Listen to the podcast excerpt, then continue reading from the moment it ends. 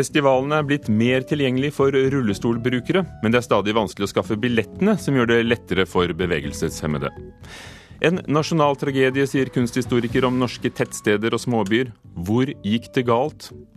Ny sesong av nettsuksessen Skam blir uten William, og Fredagspanelet samles i Kulturnytt. Hvor vi også anmelder PJ Harveys konsert her i Nyhetsmorgen i NRK. Det er fremdeles en del å gjøre, men festivaler og kulturarrangører tilrettelegger mer for bevegelseshemmede. Billettleverandørene henger imidlertid etter, slik at funksjonshemmede ofte ikke får bestilt tilrettelagte billetter. Øyafestivalen i Oslo har gjort noe med det, og der stiller flere rullestolavhengige i tillegg opp som frivillige. En av sommers store høydepunkter i hovedstaden, Øyafestivalen. Festivaler er vanligvis ikke like lett tilgjengelig for bevegelseshemma som for andre. Det har ikke hindra Henriette Nilsen og flere andre rullestolbrukere fra å hjelpe til som frivillig. Så For meg er det veldig viktig å si det at du er ikke spesiell når du sitter i rullestol. Du er normal. Du gjør akkurat samme som andre på din egen alder. Så hvorfor skal du ikke da kunne være frivillig? Hei. Hei. Her deler Nilsen ut inngangsbånd. Når hun ikke jobber, får hun med seg konserter. De hun kommer seg fram til, i alle fall. Så jeg fikk med meg tre, nesten tre hele konserter i går. Hva var høydepunktet? Det var Aurora for min del. Dessverre så rakk jeg ikke opp på handikaptribuner fordi det var for langt og for bratt.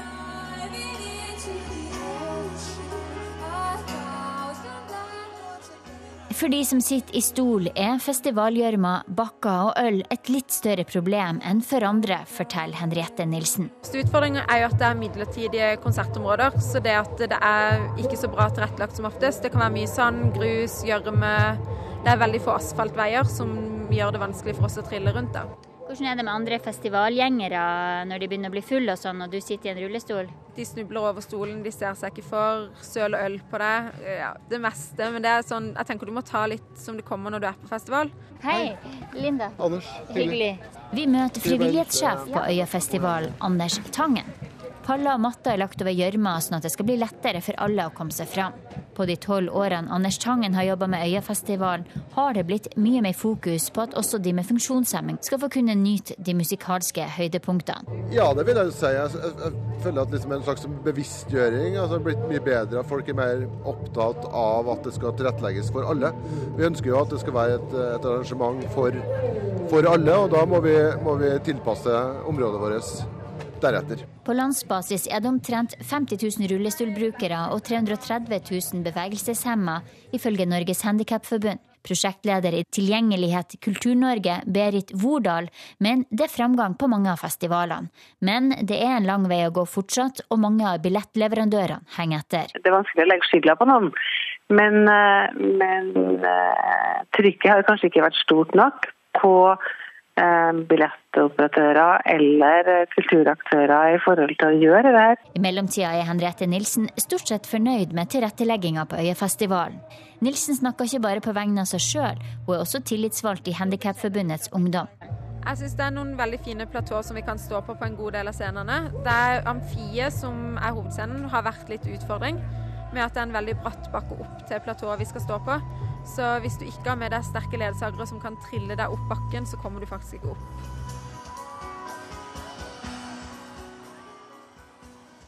Og reporter var Linda Reinholdsen. Norske tettsteder er en nasjonal tragedie, skriver kunsthistoriker Daniel Johansen i et debattinnlegg på nrk.no. Småbyene mister unødvendig mange fordeler av veksten, som de kan skape hvis de slurver i formingen av det nye og i bevaringen av det gamle. Og Daniel Johansen, kunsthistoriker til daglig på Trøndelag Folkemuseum. Er det et spørsmål om smak, det du tar opp når du kaller det en nasjonal tragedie, hvordan det ser ut rundt omkring i landet? Nei, det er ikke et spørsmål om smak. Det er et uh, spørsmål om øh, befolkninga i små byer og i tettsteder er nødt til å ta til takke med å reise inn i noe som minner om kjøpesenterbeltene utafor de store byene når de skal reise inn til sitt sentrum, mens folk i de større byene og i de byene som har hatt framsynte politikere og ildsjeler, kan reise inn i godt ivaretatte historiske miljø, og til dels også i godt planlagte, moderne miljø. Hva, hva, er forskjellen da? Du tar frem to eksempler, f.eks. Ringebu ja. og Stjørdal. Ja. Nei, altså Ringebu har jo lyktes veldig godt med det å ta vare på det de har hatt, altså det som er bygd tidligere. De har en trehusklynge som veldig mange både jernbanesteder og små handelssteder historisk sett har hatt. Det at du har hatt en tett, komprimert sentrumsbebyggelse, det er ikke noe vi har funnet på i dag. Det er noe man fant over hele Norge, eh, bygd ut fra slutten av 1800-tallet og fram til etter krigen. Eh, og de har kultivert det lille sentrumet sitt. De har etablert en liten gågate, de har jobba med eh, det å ha utadretta næringsvirksomheter der, med å ja, jobbe med grøntplanlegging, i det hele tatt Gjør det lille sentrumet til et godt sted for mennesker å oppholde seg i å bruke, kontra bare et sted hvor du kjører innom med bilen for å handle fortest mulig og kjøre derifra. Per Gunnar Stensvåg, Senterpartipolitiker i Trysil, medforfatter av boken 'Folkestyre eller elitestyre', som reiser land og strand rundt og nå har holdt eh, snart 80 foredrag om kommunereformen. Hvor har det gått feil? Jeg er jo veldig enig i mye av det uh, Johansen skriver. Uh, og Hans artikkel ledet meg inn på denne her av Erling Dock Holm, som jeg da leste i går kveld. Der han skriver at nesten alle norske byer er for små. Og jeg kunne knapt vært mer uenig. Det er jo heller motsatt, i hvert fall hva gjelder selve bykommunen. Eh, det blir nevnt et skille etter krigen her. Eh, da vokste jo frem i Norge en tanke om at byene skal ha en slags gudgitt rett til å sluke sine naboer etter hvert som de vokser. Så her kunne man heller snu på flisa og si som så at er det fullt, så er det fullt. Så måtte altså folk og næringsliv finne seg andre steder å etablere seg, og man får det man kaller knoppskyting. Og byene vil da kunne konsentrere seg om å gjøre sitt eget sentrum attraktivt, eh, også for eh, bomiljø. For det er jo det som har skjedd, at eh, innbyggerne har jo forsvunnet fra bysentrum. For, for, du viser altså til en, en artikkel som byforsker Erling Dokholm skrev i Dagens Næringsliv tidligere i sommer. og Apropos kommunereformen, nå er ikke han her, så vi, vi skal ikke ta hele kommunereformen. Men hva skal da til for at et, et norsk tettsted eller en norsk småby skal være attraktiv, ha bymessig gode kvaliteter, og mange har det ikke. Har vi fått de byene vi fortjener med de politikerne vi har valgt? Doc Holm han eh, bruker jo kommunesammenslåing som løsning på problemet. Det er jo tvert om. Nå sitter jeg i Bergen. Bergen slukte jo Åsane, Arna, Fana og Laksevåg i 1972. Hva er Åsane i dag? Jo, det er Ikea, det er store kjøpesentre. Arne har stagnert. Min gamle far bor på Laksevåg. Folk der snakker om, eh, stolt om den kommunen de hadde. Det var nylig en kronikk i Bergens Tidende Eh, skuggesida kommunesammenslåing som drar frem nettopp Laksevåg, og skriver at eh, stolte, gamle Laksevåg sentrum i dag er det nærmeste man kommer slum i Norge. Det var altså ikke mine ord, men jeg kjørte gjennom der senest i går kveld. Og der står altså det gamle kommunehuset med finerplater spikret for eh, vinduene. Det er klart at hvis Laksevåg hadde bestått som egen kommune, så ville de som faktisk bor der, bestemt hvordan det skulle se ut. Og det ville sett helt annerledes ut. Man ville fått aktivitet rundt det gamle kommunehuset med små butikker, kafeer etc. Men la oss høre Daniel Johansen. Er det de små enhetene som er stedet for at det skal lykkes? Kan du se noen eh, fellestrekk der? Nei, det høres litt ut som min eh, meddebattant heller burde tatt en del av praten med Erling Dockholm eller Jan Tore Sanner.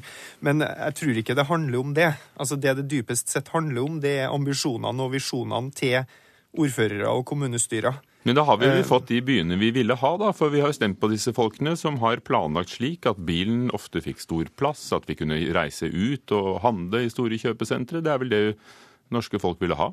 Jeg har en tendens til å synes synd på folk, selv om de har stemt fram ledere som de kanskje ikke har fortjent. Da. Eh, og dessuten så syns jeg at det går an å mene noen ting om forhold i landet som helhet.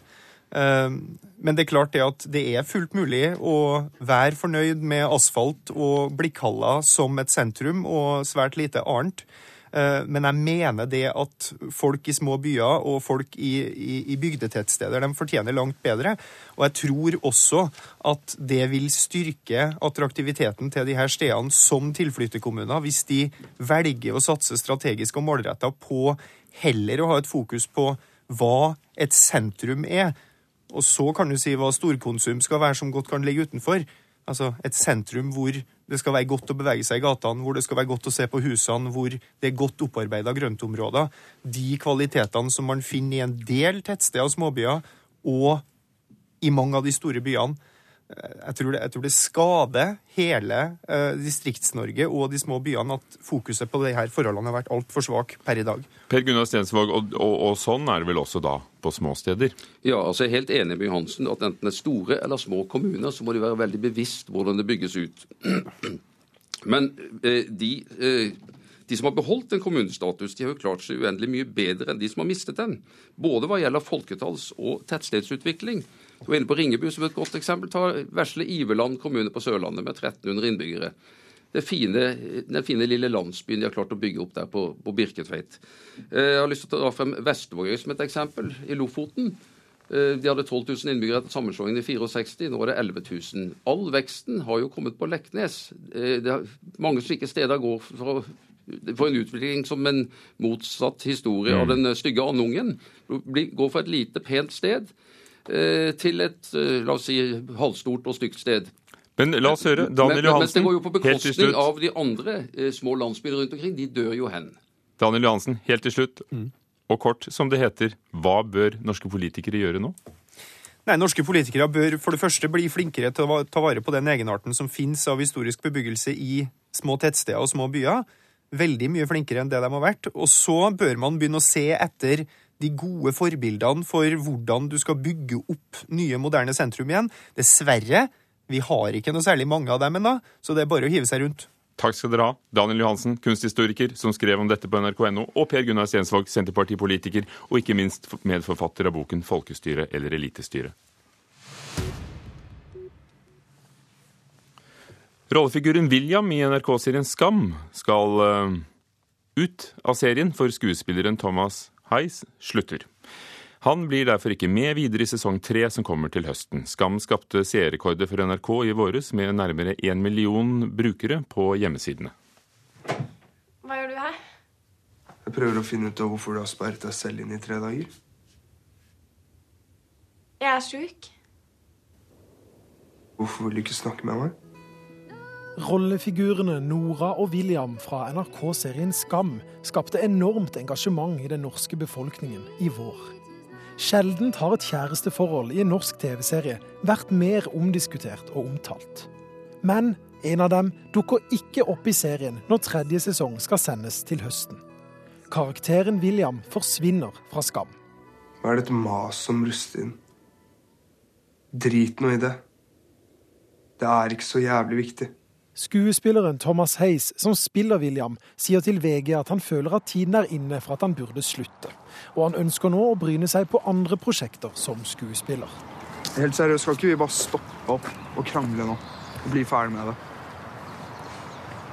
Jeg, jeg vil ikke krangle. Håkon Mosleth, som er redaksjonssjef for Skam i NRK, sier til VG at de hadde håpet at karakteren William skulle bli med videre men at de fikk beskjeden om at skuespiller Thomas Hays trakk seg før de begynte å skrive den neste sesongen. Og han forsikrer om at serien fortsetter, som denne gangen skal følge karakteren Isak som hovedperson.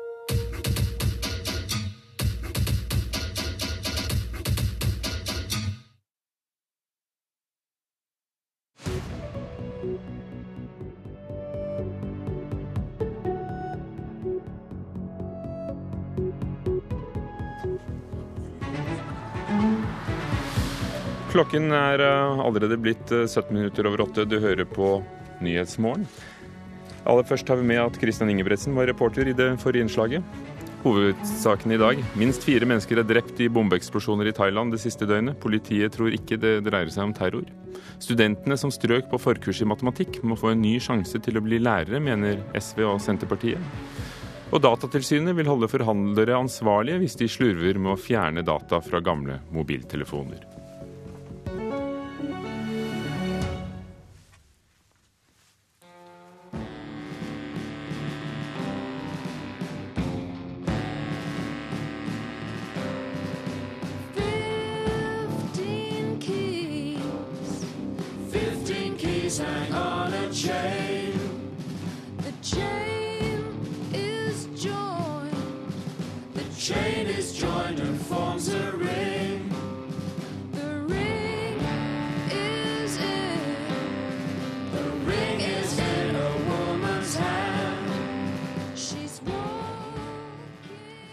Britiske indieartisten PJ Harvey huskes kanskje først og fremst for 90-tallsplatene, men i år er hun ute med et nytt album, 'Chain of Keys'. Og i går var hun en av hovedartistene på Øyafestivalen i Oslo. Marius Asp, anmelder for NRK. Hva er ditt første inntrykk? Nei, Mitt inntrykk er at hun fortsatt er relevant, heldigvis. Ehm, Øya booker jo mange artister som har på en måte hatt sin storhetstid for en del år siden. Men eh, PJ Harvey fortsatt, uh, lager fortsatt god musikk. Og ble tatt veldig godt imot av uh, et uh, takknemlig publikum. Hva slags musikk er det hun byr på i 2016? Nei, Vi hørte jo en liten snutt av det nå. Det er jo eh, nokså sånn minimalistisk bluesaktig folkmusikk, rett og slett. Med ja, ganske samfunnskritiske tekster. Hun har jo Den siste plata basert på reise hun har gjort i Kosovo, Afghanistan og Washington DC. Ehm, jeg syns ikke den siste plata nødvendigvis er hennes beste, men eh, hun viser iallfall vilje til å ta nye, nye, grep og gjøre nye ting. Så det mm. Men eh, hvilken plass under en sånn konsert som dette gir hun til eh, den musikken de fleste har et forhold til, og kanskje kommer for å høre? Jeg syns det er litt befriende at hun gir ganske liten plass til den, egentlig. Hun, hun spiller vel tre låter som de fleste der har et forhold til. Og eh, resten dedikerer hun til eh, musikk fra de to siste platene. Så ja, det viser jo at hun eh, tror på det hun holder på med akkurat nå, og ikke bare søker tilbake til den trygge havna. Vi har hørt klaging på at folk prater under konsertene. Annet Aurora-konserten på samme sted. Var det mye snakk i går? Jeg har hørt rapporter om at det var mye snakk, men jeg sto heldigvis eh, et sted der folk eh, faktisk var samla for å høre musikken. Men det er klart det, det, det, er vanskelig å vite hva man skal gjøre med sånne ting, egentlig. Men jeg tror eh, finn det en, en bra spot med dedikerte fans, så er ikke det et problem. Takk skal du ha, Marius Asp, og følg med på musikkstoff på NRK P3 sine nettsteder. Et godt sted å gå.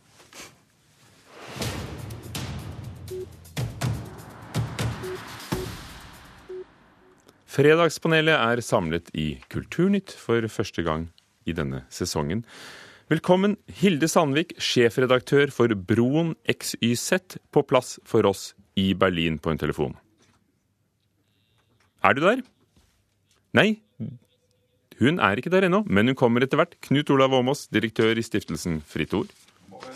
Og Lene Løken, tidligere leder av Film og kino, med lang erfaring fra norsk kino- og filmliv.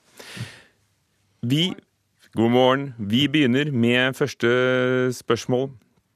Tidligere Festspilldirektører, en sponsor og andre kjente skikkelser fra Bergens kultur og næringsliv mener at Festspillene i byen går i feil retning.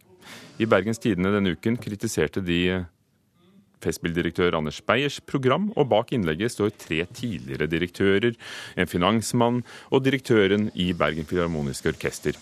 Spørsmålet er er Festspillene ganske enkelt blitt for populære, og vi begynner jo med å avkreve et ja eller nei. Uh, og, og, og, og, vi hører en lyd her, men den uh, kommer fra en annen linje. Ja. Hvorfor, uh, hvorfor mennene, Knut Olav Åmås? Så jeg har ikke granska Festspillprogrammet i år eller i fjor nøye før denne lille diskusjonen. Eh, jeg har et lite men, fordi det er klart at mange norske festivaler er i ferd med å få en litt eh, utflytende profil, og, og de vil det sjøl. Men det er klart at eh, ikke alle festivaler bør eller kan være utflytende og sjangeroverskridende. Spesielt ikke de som får mye offentlige midler etter, etter visse kriterier. Så jeg syns primært at det er, det er veldig bra og nødvendig at Festspillene i Bergen har satsa primært, og, og, gjør det på å være en høykvalitetsfestival for klassisk musikk og samtidsmusikk og scenekunst. Eh, jeg har stor sans for DDE, og, men det er ikke sikkert at de skal være på Festspillene i Bergen. Lene Løken. Ja, jeg merker at når syvende far gjaller i hornet, så blir jeg litt sånn trassig jeg og får lyst til å forsvare den det går utover. Eh, dette er den klassiske dilemmaen som festivaler står oppi. Hvis du er for smal, så taper du publikum og inntekter. Og så får du et styre som sier det har skjedd i Bergen for det forrige styret, som sier at nå må vi satse på publikum, nå må vi satse på økonomi, nå må vi bli bredere. Så blir du bredere. Og så får du publikum, og så får du inntekter. Men så kommer da syvende far i ordet og sier at nå er dette blitt for bredt. Nå har vi forlatt det som var den opprinnelige ideen med denne festivalen. Og selvfølgelig er det noe sant i det. Men dette dilemmaet mellom å være bred og tjene penger, eller være smal, konsentrert om noen felter, det er et evige dilemmaer som både festivaler og andre lever med.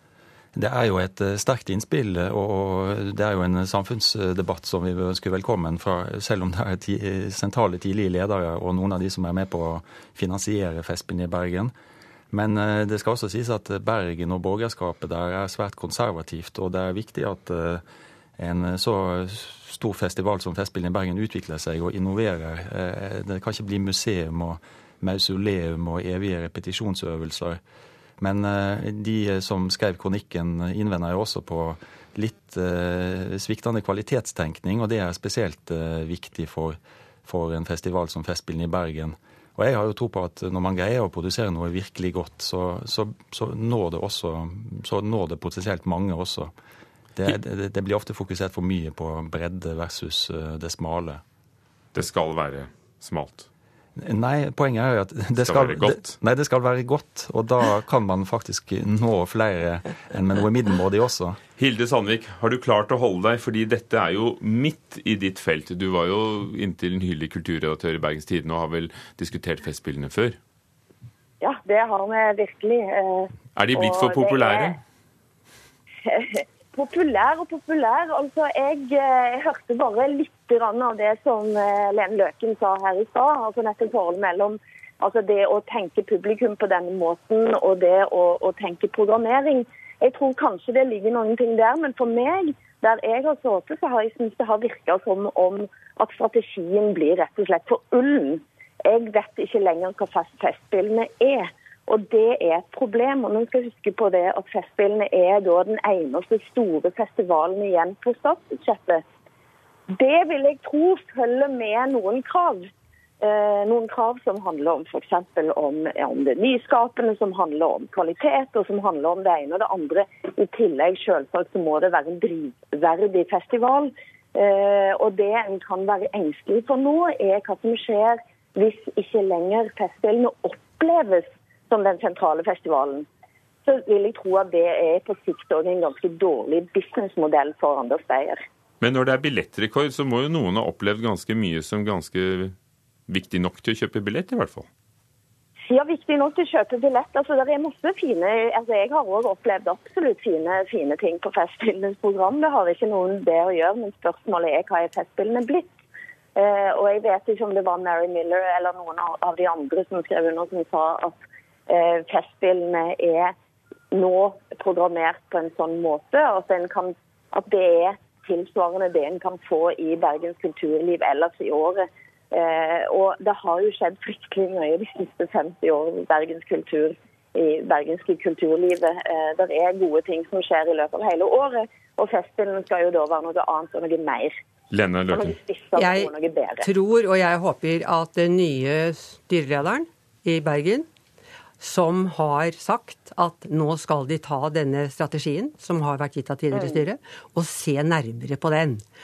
Så jeg tror at den debatten her, den fører til at det som eventuelt måtte ha glidd ut, det får man tatt inn igjen. Og den nye styrelederen er jo Magne Furuholmen. Mm. Og Festspillene i Bergen må jo gjerne bli mer populær. Altså, Det samla besøket på Festspillene er jo omtrent som en og en halv dag på Øyafestivalen. Men det Festspillene ikke bør bli, er populistisk. Dere, vi har litt tid til et tema til. fordi idet alle trodde at kampen var over, så er det ny mobilisering for det gamle Nasjonalgalleriet. Ansatte ved museet advarer mot at eh, Stein Erik Hagen, den kjente investorens kunstsamling, kan havne i utlandet hvis de ikke får bruke det gamle Nasjonalgalleriet til å vise frem f.eks. Hagens kunst. Har de tatt Hagens kunst som gissel for å få beholde det gamle museumshuset sitt? Hilde? feil stilt spørsmål, om jeg får si. Jeg kan si nei først, da, så får vi se. Jeg vil si ja. Ja. Nei, det er klart at de benytter denne muligheten som de har fått eh, gitt på et sølvbrett. De ansatte har hele tiden ønsket, som mange andre, at Nasjonalgalleriet, det gamle bygget, skal bevares og brukes som museum for kunst. Så kommer Hagen med sitt tilbud om Kanika-samlingen. Og så fremheves det at det blir for lite plass totalt. Og ja, der har de saken. Her må det gjøres noe for å få beholde Kanika-saken. Hilde? Kanika. Hilde? Altså, jeg, jeg leste denne kronikken med, med, mange, med, med, mange, tanker i hodet samtidig. Fordi at det som jeg syns òg har vært veldig rart, er en manglende eh, ambisjon fra toppleder eh, rundt nettopp hva det er som man kan bruke Nasjonalgalleriet til. Jeg ser, og det la jeg merke til, han svarer i intervjuet med han, så svarer han at eh, det har ikke blitt veldig tydelig hva eh, Nasjonalmuseet skal bruke Nasjonalgalleriet til. Men det er det vel bare ett menneske som, eh, som, kunne ha gjort, og det er han, Audun Eckhoff. Eh, og det at de ansatte, elleve ansatte nå skriver en sånn kronikk, det klarer ikke jeg å lese som noe annet enn at en er urolig for, for hva, hva, den strategien til ledelsen skal være. Og siste ord til deg, Knut Olav Åmås. Jeg håper inderlig at Nasjonalmuseet får denne gaven. Det trenger de. De har store huller og små innkjøpsbudsjetter, så, så dette må komme i stand. Og Nasjonalgalleriet må føres videre som visningssted. Og dette er jo virkelig et columbi egg, da, slik du ser det? Ja, men det er institusjonen som må bestemme hva de skal vise av kunsten, og at de trenger den. Det, det er veldig viktig. Men det er også veldig viktig at det offentlige er åpen for slike deponeringer og donasjoner. Vi er ikke mer åpne for dere. Takk skal dere ha alle sammen. Lene Løken, Knut Olav Åmås, Hilde Sandvik. Thomas Alverstad Nove var produsent, Ugo Fermarello programleder her i Kulturnytt i Nyhetsmorgen klokken halv ni.